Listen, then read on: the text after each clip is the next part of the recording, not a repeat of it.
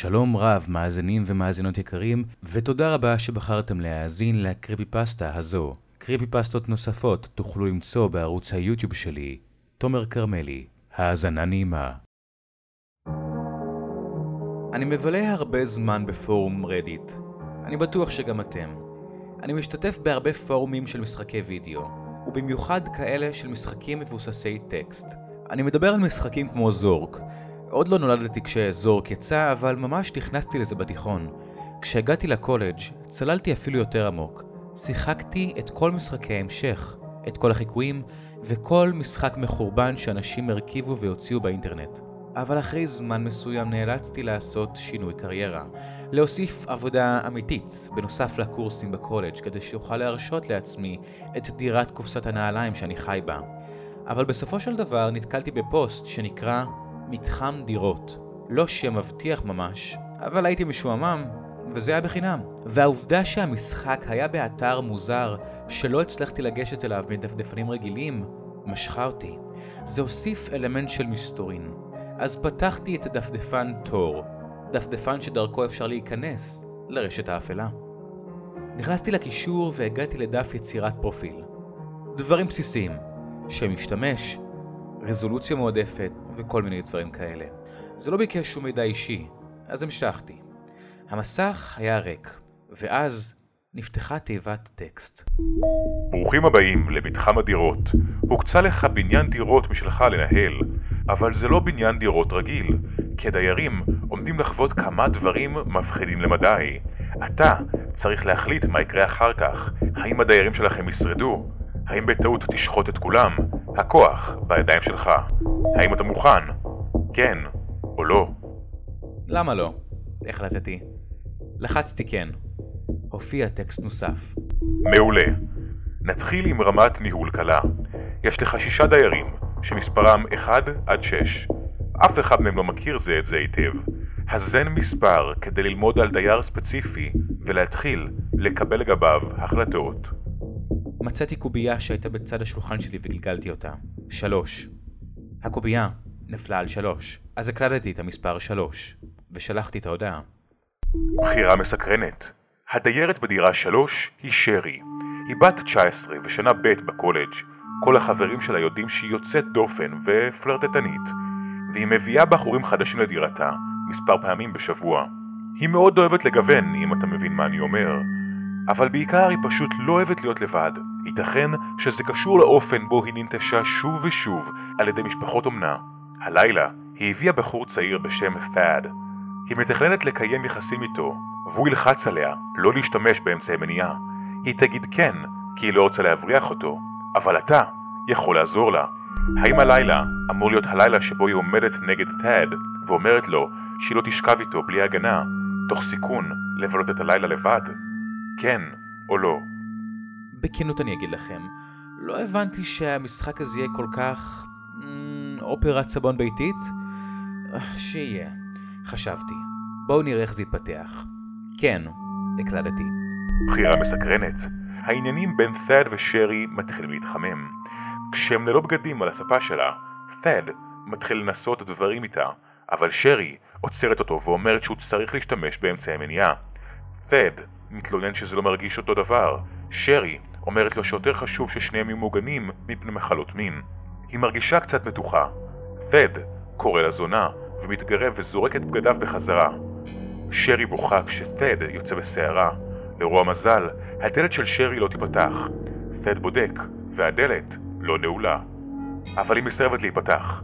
זועם, ת'אד חוזר בסערה למקום שבו שרי עדיין שוכבת על הספה, בוכה, ומתחיל לצרוח עליה. האם תרצה להמשיך לקבל החלטות עבור שרי, או לנסות דייר אחר? אחד עבור שרי, שתיים עבור דייר חדש. המשחק הזה היה די מוזר ודי רטרו, אבל גם מצאתי את עצמי די מסוקרן מהסיפור של שרי ות'אד. לסיפורים המסורבלים במשחקים האלה היה קסם מסוים שהפך אותם למרתקים מאוד. אה, לעזאזל, בואו נמשיך. אחד, הקלדתי. בחירה מסקרנת. ת'אד ממשיך לצרוח על שרי, שלא יכולה להפסיק לבכות. היא חוששת כי הוא עלול להכות אותה. ת'אד לא החליט אם הוא רוצה או לא, אבל הוא מתכנן לתת לכעס ולחוסר האכפתיות שלו כלפי שרי להוביל את ההתנהגות שלו. אם הדברים ימשיכו כפי שהם, סביר להניח שתד יכה את שרי כל כך חזק שהיא תצטרך להיות מפונה לחדר המיון. האם צריך לעצור את תד? כן או לא? לעזאזל, מלמלתי לעצמי בקול.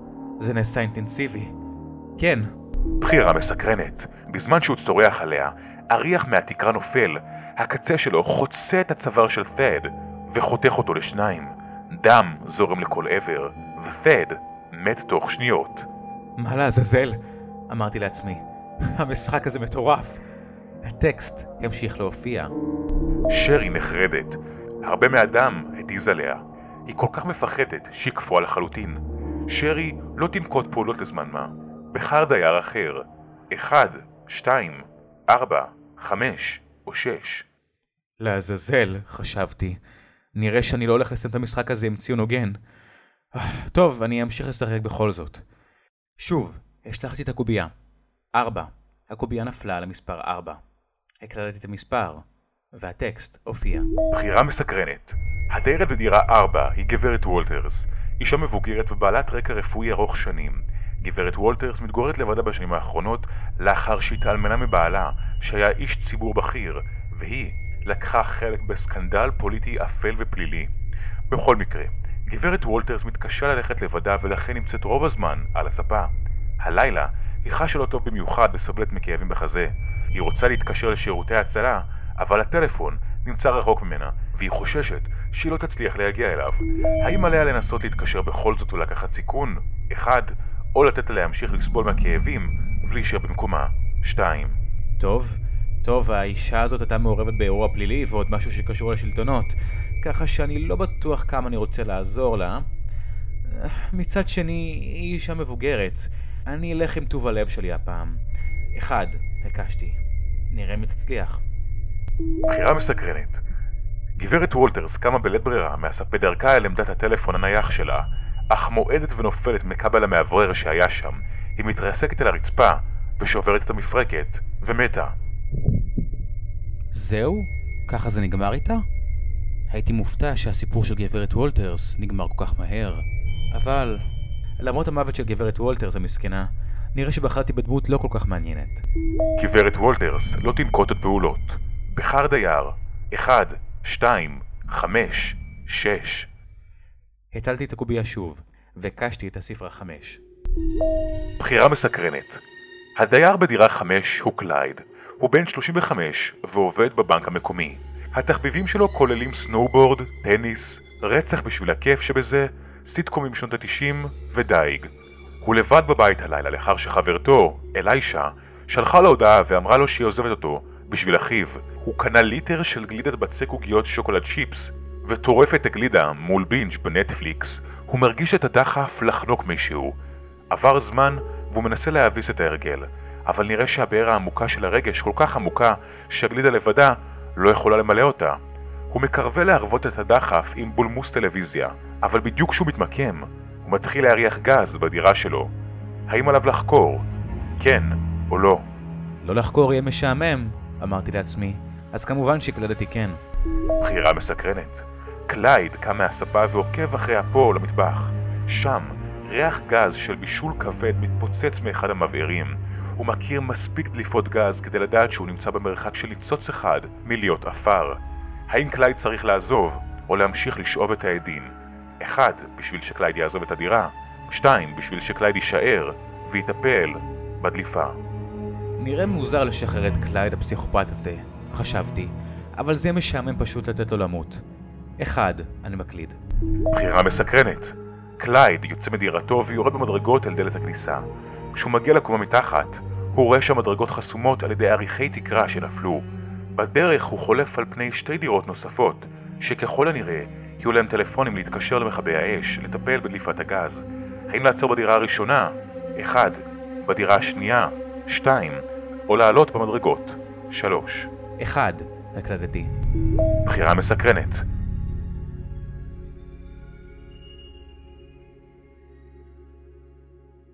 זה היה זה.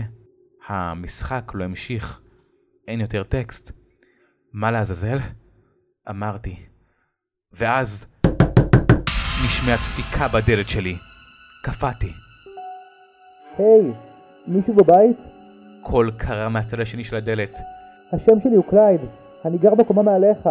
הטלפון שלי לא עובד והדירה שלי מריחה כמו גז. אפשר לשאול את הטלפון שלך? ישבתי בשקט ככל שיכולתי, בלי להשמיע קול. ברצינות, זה מקרה חירום. אני די בטוח ששמעתי שם איזה רעש. אני צריך עזרה. על המסך שלי ראיתי עוד טקסט, צץ. האם קלייד צריך להמשיך לנסות את הדירה הראשונה? 1. לנסות את הדירה הבאה? 2. או לעלות במדרגות, בקצה הרחוק של הקומה? 3.